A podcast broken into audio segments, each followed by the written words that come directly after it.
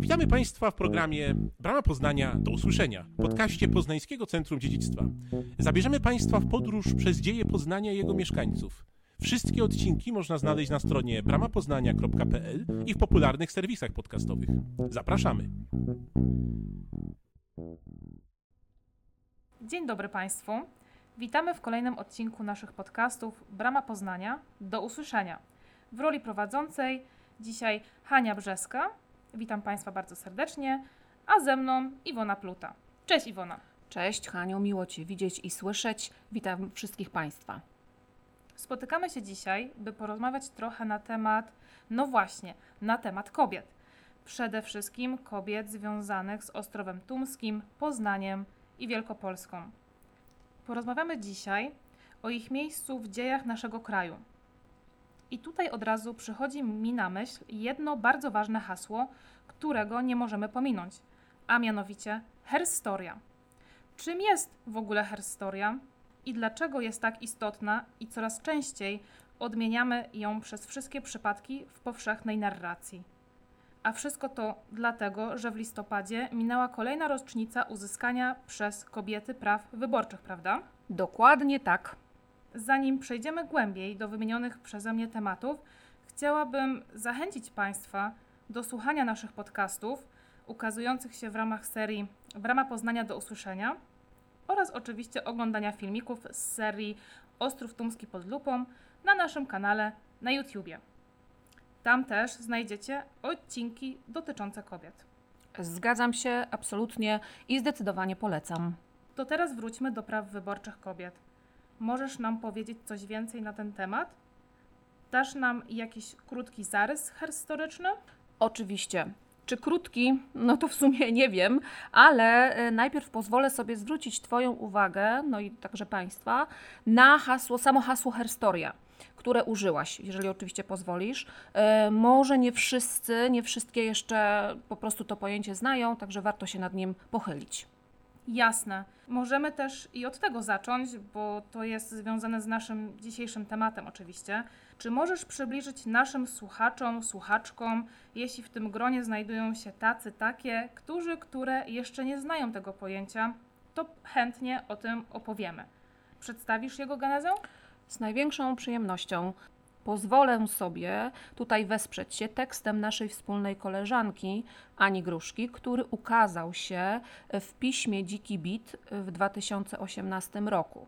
Generalnie chodzi o to, że jeżeli będziemy analizować podręczniki historii, książki czy na przykład przewodniki turystyczne, można odnieść wrażenie, że przez minione wieki naszą planetę zaludniali głównie mężczyźni ponieważ to oni dzierżyli władzę, prowadzili wojny, przyczyniali się do odkryć wszelkiego rodzaju czy rozwoju, chociażby y, gospodarczego. I w związku z tym możemy zaobserwować, że ulice, pomniki, sale wykładowe, nagrody w różnych dziedzinach, wszystko opatrzone było najczęściej, no właśnie, imionami męskimi.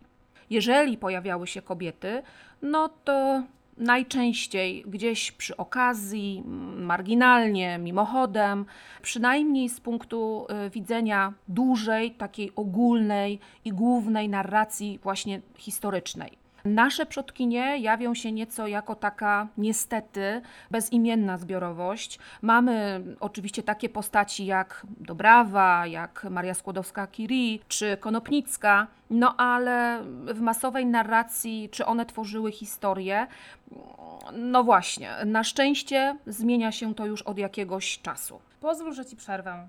Jest to dość smutna perspektywa, ale oczywiście istniejąca. Zadam teraz przewrotne pytanie. Czy i gdzie te kobiety były w takim razie w dziejach ludzkości? I jeszcze jedno pytanie. I jak mogłaby wyglądać narracja przez wieki prowadzona z ich perspektywy?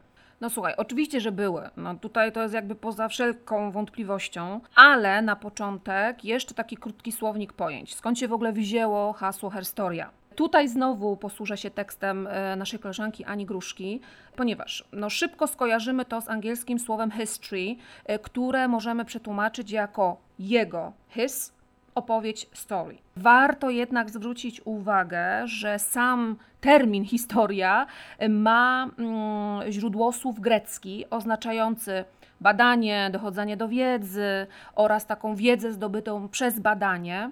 Przedrostek his, his, no zależy jakim języku mówimy, mm, nie jest tym samym jako tako bezpośrednio związane z zaimkiem jego, ale nakładając na to cały kontekst, całą narrację przez wieki, jaka się kształtowała, no to generalnie bardzo trafnie oddaje właśnie taką rzeczywistość jednostronną, męską i Tutaj jeszcze bardzo ciekawy wyczytałam tekst y, autorstwa pani Agaty Araszkiewicz, że mm, te kobiety, te historie kobiet to były takie narracje pisane białym atramentem, także też dosyć taka e, znacząca wypowiedź. E, co ciekawe i jednocześnie dodaje moim zdaniem pikanterii całej sytuacji, to fakt, że no sam wyraz historia jest rodzaju żeńskiego, także taki, no taki trochę chichot losu.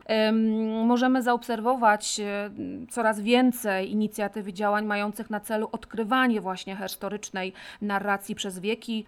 Pokazują one dorobek społeczny kobiet, ich udział w kształtowaniu się dziejów. W wielu miastach Polski tworzone są na przykład właśnie szlaki kobiet, a ich y, popularność świadczy o istnieniu realnej potrzeby wprowadzania właśnie takiej narracji w masową świadomość. A co to daje? No daje to bardzo, bardzo dużo, ponieważ i dopełnia, wzbogaca, równoważy, y, pokazuje alternatywną wersję wydarzeń, a czasem może nawet zmienić całą narrację albo sporą jej większość. Zmusza nas do spojrzenia na dzieje, rozwój ludzkości, społeczeństw szerzej oraz w sposób pełniejszy, tak naprawdę, niż proponowana jeszcze do niedawna y, no, taka historia polityczna, w której no powiedzmy sobie szczerze, istnieli raczej tylko mężczyźni. E, kobiety oprócz dokonywania no, takich przełomowych odkryć tworzyły także codzienność i to jest bardzo istotne, e, ponieważ to było zdecydowanie bliższe zwykłemu obywatelowi, zwykłej obywatelce.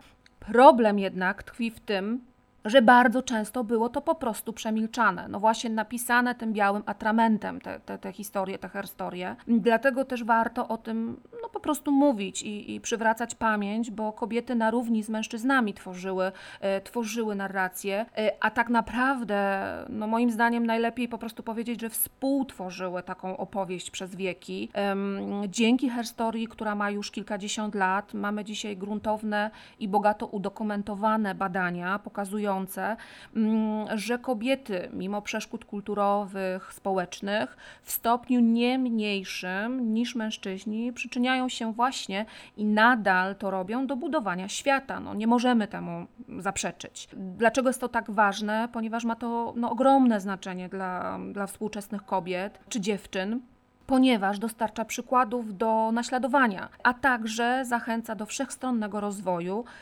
no i wykorzystania tego potencjału dalej. To jest także taki przyczynek do obrony i walki o swoje prawa. Rozumiem. Czyli już wiemy, że bez Her Story nie jesteśmy w stanie w pełni poznać dziejów świata. Dokładnie, dokładnie tak, Haniu. Oczywiście, oczywiście nikt tutaj nie chce negować historii pisanej przez mężczyzn. Absolutnie nie. Sytuacją idealną byłoby tak naprawdę tworzenie tej narracji no, z dwóch perspektyw na równych prawach. Już coś wiemy na temat herstory. Wracając natomiast do praw wyborczych kobiet. Powiedz mi, jak to wyglądało w Polsce? Wiemy, że nasz kraj był pierwszy z pierwszych na świecie, tak naprawdę, który uznał prawa wyborcze kobiet. Paradoksalnie nie mówimy jednak o bardzo odległych czasach, prawda? Czy mogłabyś nam przybliżyć trochę zarys całej sytuacji? Z największą, słuchaj, przyjemnością. Zdecydowanie tak. No, mm, deklarację o przyznaniu prawa wyborczego Polkom y, przedstawił w listopadzie 1918 roku mm, tymczasowy rząd kierowany przez Ignacego Daszyńskiego, stworzony w Lublinie. No, czyli tak naprawdę mówimy o sytuacji sprzed y, niewiele ponad 100 lat, takiej mm, bardzo, powiedziałabym, relatywnie świeżej, nowej. I tutaj y, pozwolę sobie przytoczyć, posłużę się notatkami, cytat z tego dokumentu dokumentu. Sejm Ustawodawczy zwołany będzie przez nas jeszcze w roku bieżącym na podstawie powszechnego, bez różnicy płci, równego, bezpośredniego, tajnego i proporcjonalnego głosowania. Ordynacja wyborcza będzie ogłoszona w ciągu kilku najbliższych dni. Czynne i bierne prawo wyborcze będzie przysługiwało każdemu obywatelowi i obywatelce mającym 21 lat skończonych. Był to rząd, który y, uznaje się za jeden z symboli odzyskującej niepodległość Polski, także bardzo, bardzo, bardzo istotny. Powstał 7 listopada, ale po kilku dniach złożył rezygnację na ręce Józefa Piłsudskiego. Kontynuatorem tego rządu był gabinet Jędrzeja Moraczewskiego, który mm, można określić pierwszym rządem w drugiej RP, no i on powstał już y, w Warszawie. Jego szef sprawę praw wyborczych dla kobiet uznał za no, bardzo pilną i ważną. Dlatego już 19 mm, listopada ministrowie dyskutowali nad tą kwestią, czyli no, bardzo szybko. Postanowili, że prawo wyborcze otrzymują wszyscy Polacy, wszyscy obywatele polscy, niezależnie od płci. W 1919 roku odbyły się pierwsze wolne wybory parlamentarne i kobiety zgodnie z dekretem z 1918 roku mogły głosować i kandydować. No i tutaj mm, no, taka bardzo przełomowa, kolejna bardzo przełomowa informacja, bo e, wyobraź sobie, Haniu, i proszę sobie e, wyobrazić, wszyscy Państwo, którzy nas słuchają, że już przy pierwszych wyborach parlamentarnych mandat poselski uzyskało 8 kobiet. No i nie byłabym sobą, gdybym ich nie wymieniła. Mianowicie Gabriela Balicka-Iwanowska, Jadwiga Dziubińska, Irena Kosmowska, Maria Moczydłowska, Zofia Moraczewska, Anna Piasecka, mm, Zofia Sokolnicka oraz e, Franciszka Wilczkowiakowa. Łącznie w okresie drugiej RP 46 e, kobiet zostało posłankami, a 22 senatorkami. Takie są statystyki. Pierwszą kobietą, która zabrała głos w polskim Sejmie, była właśnie Moczydłowska. Jednakże, no tutaj już troszeczkę inne światło rzucone jest na, na te statystyki. Żadna z posłanek nie została marszałkinią lub wicemarszałkinią Sejmu. Tak, tak, proszę Państwa, nie bójmy się żeńskich odpowiedników. Im częściej będą wybrzmiewać w przestrzeni publicznej, tym powszechniejsze będą. Podobnie w składzie pierwszego rządu w drugiej RP nie znalazła się żadna kobieta. Warto jednak nadmienić, i tutaj też istotna y, informacja, że Moczydłowska została sekretarką Klubu Narodowego Zjednoczenia Ludowego, a Kosmowska weszła w skład y, sekretariatu klubu PSL Wyzwolenie. Inne kobiety niestety nie pełniły dodatkowych funkcji w parlamencie. Wyjątkiem był wspomniany już na początku rząd lubelski-daszyńskiego, w którym funkcję wiceministry oświaty pełniła właśnie Irena Kosmowska. Tutaj warto też wspomnieć o Zofii Sokolnickiej, która ukończyła Wyższą Szkołę Żeńską w Poznaniu. Posiadała doskonałą pamięć, którą wykorzystała podczas I wojny światowej, podczas y, której była emisariuszką Polaków z zaboru pruskiego w Lozannie oraz przy Komitecie Narodowym w Paryżu. Ważna była dla niej kwestia angażowania się w życie polityczne i społeczne. Między innymi wchodziła w skład komisji szkolnej utworzonej przy Radzie Ludowej w Poznaniu. Jeśli chodzi o późniejsze lata i pełnienie funkcji politycznych przez kobiety, no to tak w skrócie, statystycznie, pierwszą kobietą ministrą, ministrą sprawiedliwości w historii Polski została Zofia Wasilkowska w 1956 roku, także już kilka lat po II wojnie światowej. Pierwszą kobietą premierem została Hanna Suchocka w 1992 roku, mm, więc no, trzeba było poczekać trochę dziesięcioleci, aż kobiety zaczną zajmować tego typu stanowiska. Mhm, faktycznie. Czyli rozumiem, że mamy cenzurę czasową usankcjonowaną prawnie. A więc mam na myśli rok 1918, który wyznacza nam nową epokę w sytuacji politycznej kobiet w Polsce. A jak to wyglądało wcześniej? Zapewne nadanie praw wyborczych nie wydarzyło się spontanicznie z dnia na dzień, prawda? No zdecydowanie nie, masz tu absolutnie rację. E, no poprzedzone było wieloletnimi staraniami, działaniami kobiet. Tak naprawdę no, można powiedzieć, że były to mm, działania wielowiekowe. No właśnie, to może przyjrzyjmy się nieco tym procesom. Chciałabym, żebyśmy w szczególności skupiły się na kobietach przodkiniach z ziem nam najbliższych, a więc um, Ostrowa Tumskiego, Poznania i Wielkopolski. Czy możesz coś na ten temat powiedzieć? Z największą przyjemnością. Od jakiego czasu życzysz sobie, by naszą opowieść zacząć? Najlepiej od początku. E, ale zdaję sobie sprawę z tego, że nie mamy chyba aż tyle czasu, więc może chociaż pokrótce opowiemy sobie na ten temat. I moim zdaniem nie możemy mm, zacząć chociażby w kilku słowach, nie wspominając o Dobrawie. Chociaż już wielokrotnie była wspominana w naszych podcastach i filmikach, ciężko przejść obok niej obojętnie w kontekście naszego dzisiejszego tematu, prawda? To prawda, to prawda. Yy, mimo, że Dobrawa pochodziła z Czech, no była bardzo ściśle związana tutaj z tymi ziemiami. Była to pierwsza chrześcijańska władczyni, która odegrała niebagatelną rolę tak naprawdę w pogańskim kraju swojego męża, Mieszka I.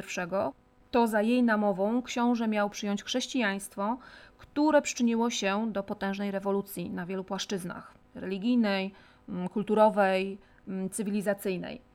Z jej inicjatywy w Grodzie na Ostrowie Tumskim powstała pierwsza na ziemiach polskich chrześcijańska świątynia. Stała się również autorytetem w kreowaniu nowego dworskiego stylu życia, związanego z obyczajami, zachowaniem czy ubiorem. Zdecydowanie jedna z kluczowych postaci kobiecych związanych właśnie tutaj z naszymi, z tymi ziemiami. Mhm, tak. Dobrawa była zapewne kobietą o silnym charakterze, no bo to dzięki niej tak naprawdę zaczęły się zmiany kulturowe na Ostrowie Tumskim. Natomiast powiedz mi proszę, co z innymi przodkiniami? No warto tutaj wspomnieć chociażby o Sygrydzie Świętosławie, czyli córce Mieszka I i właśnie Dobrawy. To bardzo ciekawy wątek genealogiczny w historii Polski, ale okazuje się, że nie tylko ponieważ no niewielu z nas tak naprawdę wie zapewne, że ta oto nasza przodkini była królową wielu europejskich państw. Dlaczego? Dlatego, że no niestety jej małżeństwa były zawierane z pobudek politycznych i no, miały podłoże dynastyczne, bo mówimy o czasach, kiedy no właśnie z takich powodów zawierano sojusze. Co to znaczy?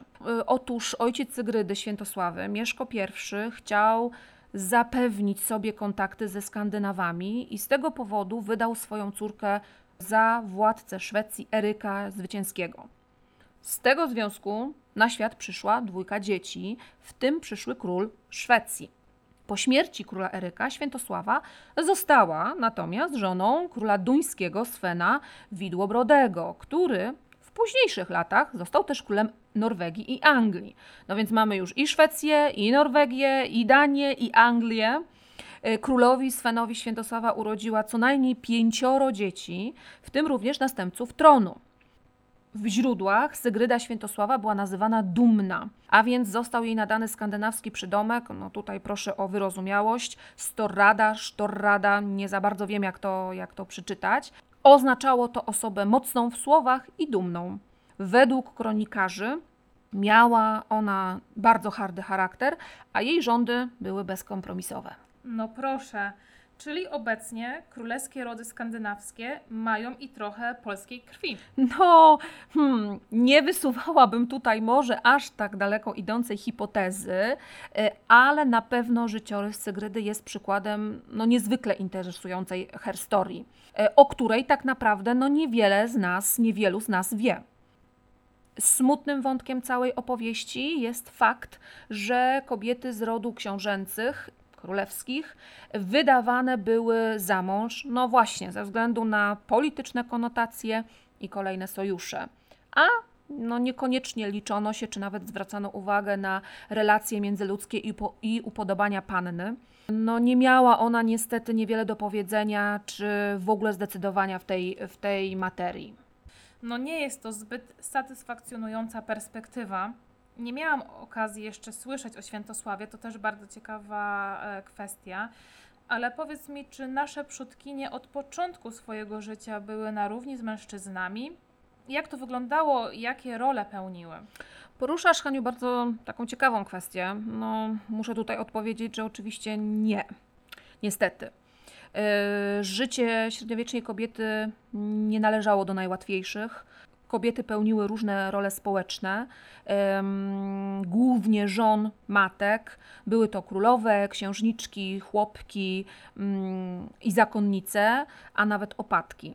Kobiety miały przypisane konkretne role w życiu społecznym. E, Początkowo była podporządkowana ojcu, taka właśnie młoda dziewczynka, córka, a następnie mężowi. W rodzinach królewskich pożądany był zawsze męski dziedzic, a następnie dopiero dziewczynka, która w odpowiedniej kolejności no, miała być wydana właśnie za męża, czyli tak naprawdę spod opieki ojca, kurateli ojca przekazana dosłownie i w przenośni w ręce męża. No i z reguły właśnie oczywiście tylko z uwagi na kwestie jakieś sojuszowe. Co ciekawe, w średniowieczu nie było ksiąg metrykalnych. Znane były głównie, o ile w ogóle, daty urodzin męskich potomków, natomiast daty urodzin dziewczynek no nie były już tak chętnie zapisywane. Obok tego to już przejść obojętnie nie mogę.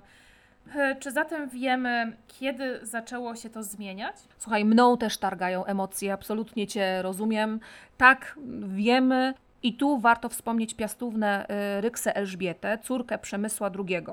Y, Jest ona pierwszą Polką, której dokładną datę urodzenia znamy i datuje się to na 1 września 1288 roku. Mhm, a więc musiał to być jakiś przełom. Natomiast powiedz mi, co z innymi strefami życia? Kobiety były też niestety często dyskryminowane w różnych obszarach życia, e, miały utrudniony na przykład dostęp do nauki. W średniowieczu kształciły się głównie w klasztorach. Największą możliwość pobierania nauki miały te, no, które y, pochodziły z możnowładczych rodów tylko. Mm, Przedstawicielki niższych warstw społecznych miały taką możliwość bardzo, bardzo ograniczoną, a tak naprawdę no to często całkowicie niedostępną. Mm, Jest to bardzo smutna mm, perspektywa, ale należy pamiętać, że kobiety angażowały się w naukę od najdawniejszych czasów, no tylko było to po prostu bardzo, bardzo utrudnione. Mm, Dopiero y, na początku XX wieku no, mogły zacząć rozwijać się tak w pełni naukowo. To faktycznie dość jawny obraz dyskryminacji kobiet, choć pewnie w tamtych czasach y, podchodzono do tego y, zupełnie inaczej. Tak, zdecydowanie tak, tutaj masz rację y, i przychodzi na myśl przypadek mieszkanki naszego y, poznańskiego Chwaliszewa. Mm, Bardzo ciekawy wątek w ogóle historyczny. Mm, Może on posłużyć jako symbol zjawiska społecznego, który zapewne dzisiaj nazwalibyśmy właśnie dyskryminacją.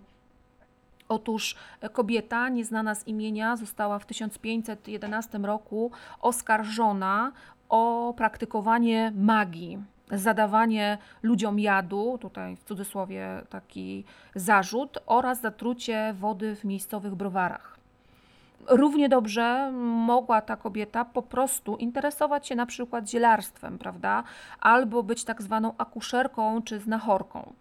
Często kobiety, mm, które właśnie zajmowały się leczeniem ciała w sposób no, mniej konwencjonalny, no, były właśnie posądzane o czary. Niestety, owa mieszkanka Chwaliszewa no, nie przyznała się do, do winy, znaczy niestety, stety, no, w zależności dla, dla kogo, z jakiej perspektywy na to patrzymy, a tym samym sąd uznał ją za czarownicę i wydał wyrok skazujący ją na spalenie. Przerażająca perspektywa. Był to pierwszy stos Rzeczpospolitej w XVI wieku skazujący niewinną kobietę. Dzisiaj Chwaliszewska i tutaj też cudzysłów czarownica jest e, symbolem, stała się takim symbolem wielowiekowej dyskryminacji kobiet tak naprawdę.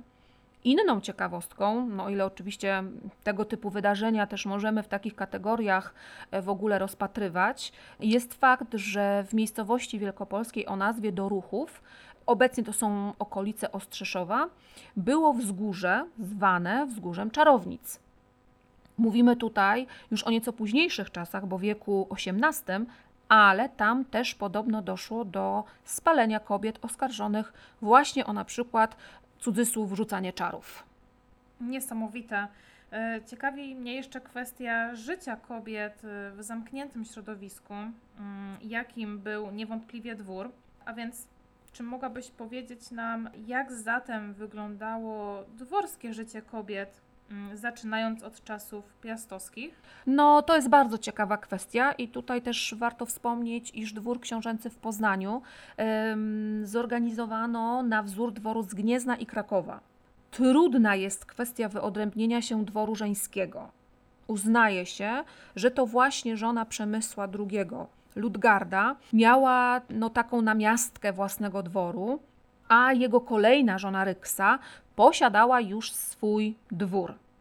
Co do liczebności dworu poznańskich księżnych, no też zbyt niewiele niestety nie wiemy na ten temat. Ilu nasze księżne miały dworzan, urzędników, nie wiadomo, e, ale zapewne mm, towarzyszyła takiej księżnej czy królowej grupka dworek i innych rówieśnic, które mogły wywodzić się z innych rodów na przykład. Ich status wymagał oczywiście wykształcenia, odpowiedniego wychowania i obycia.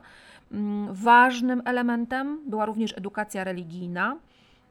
Na model piastowskiej księżnej wpłynęła postawa religijna żony księcia Bolesława Pobożnego, Jolenty, która po śmierci swojego męża wstąpiła do zakonu, a w XIX wieku została beatyfikowana. I to jest taki dosyć częsty przypadek, jeżeli właśnie kobieta zostawała, zostawała wdową, przy, przynajmniej w tych rodach właśnie dworskich, y, królewskich, książęcych.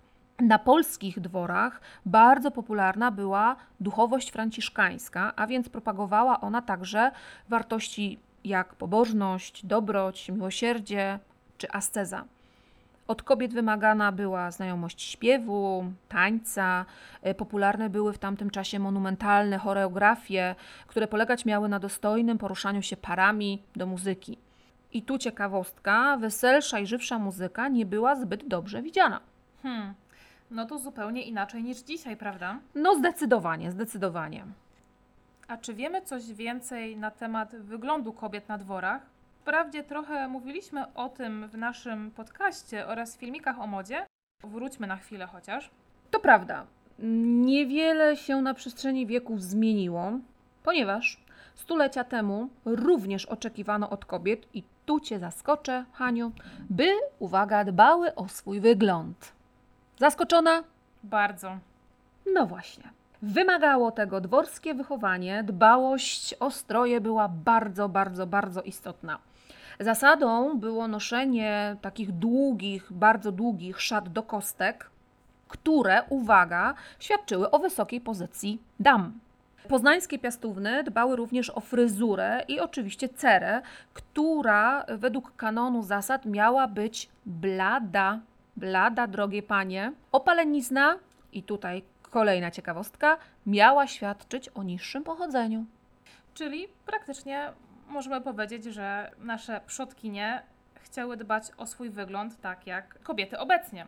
I tutaj też warto wspomnieć w sumie o ciekawostce, która łączy modę z pręgierzem na poznańskim rynku. I jeżeli chcecie Państwo dowiedzieć się więcej na ten temat, albo dlaczego przy okazji rozmowy o modzie warto wspomnieć o bamberkach, to zachęcamy do obejrzenia naszego filmiku pod tytułem Moda na modę na naszym kanale na YouTubie. Bardzo ciekawy odcinek. Natomiast Iwona, czy coś wiemy może na temat edukacji panien przebywających na dworach książęcych y, bądź królewskich? Czy tutaj coś możesz powiedzieć w tym temacie? Mhm. Tak, y, piastowskie księżniczki musiały posiadać znajomość języka, a nawet i języków, a więc edukacja językowa była tutaj bardzo ważnym aspektem. No wszystko, tak jak już wspomniałyśmy, wspomniałyśmy wcześniej, ze względu na no, te małżeństwa dynastyczne i tutaj może posłużyć za przykład siostra Przemysła II, która została wydana za syna margrabiego brandenburskiego Jana, natomiast pierwszą żoną Przemysła II była Ludgarda, księżniczka brandenburska właśnie.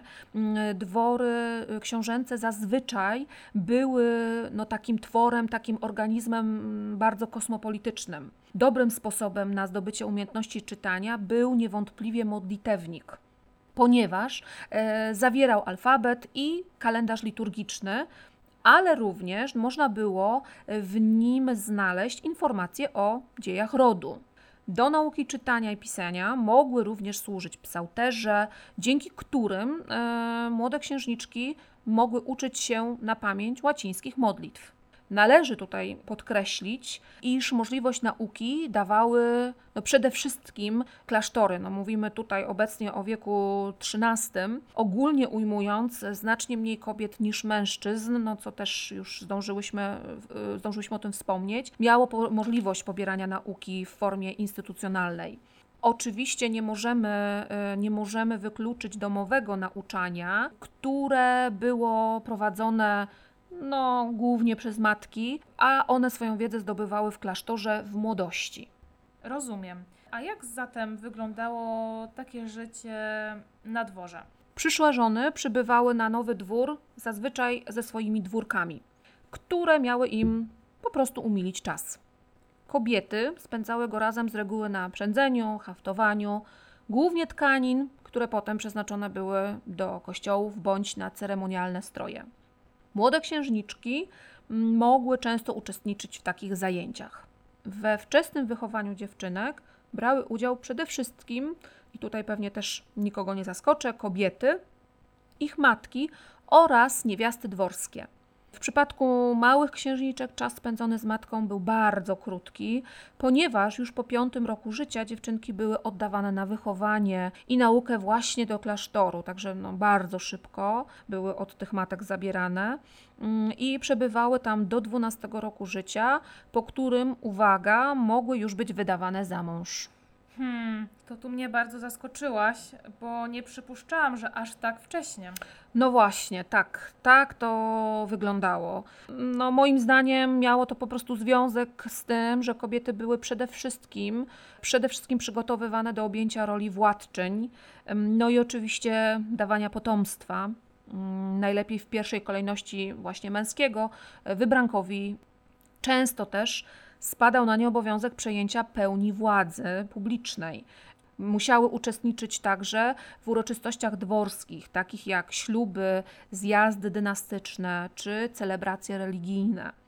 Warto tutaj wspomnieć o uroczystym powitaniu, które urządzono na cześć Ludgardy i Przemysła. Młodzi zostali uroczyście wprowadzeni do katedry poznańskiej w asyście biskupa Mikołaja. To może zróbmy w tym miejscu małą przerwę i do naszej rozmowy wrócimy w następnym odcinku. Dziękujemy za uwagę i odsłuchanie naszej audycji. Przypominamy, że wszystkie odcinki można znaleźć na stronie bramapoznania.pl i w popularnych serwisach podcastowych. Zapraszamy także do obejrzenia naszych filmów dostępnych na kanale Bramy Poznania w serwisie YouTube. Brama Poznania, do usłyszenia. Do usłyszenia. Do usłyszenia.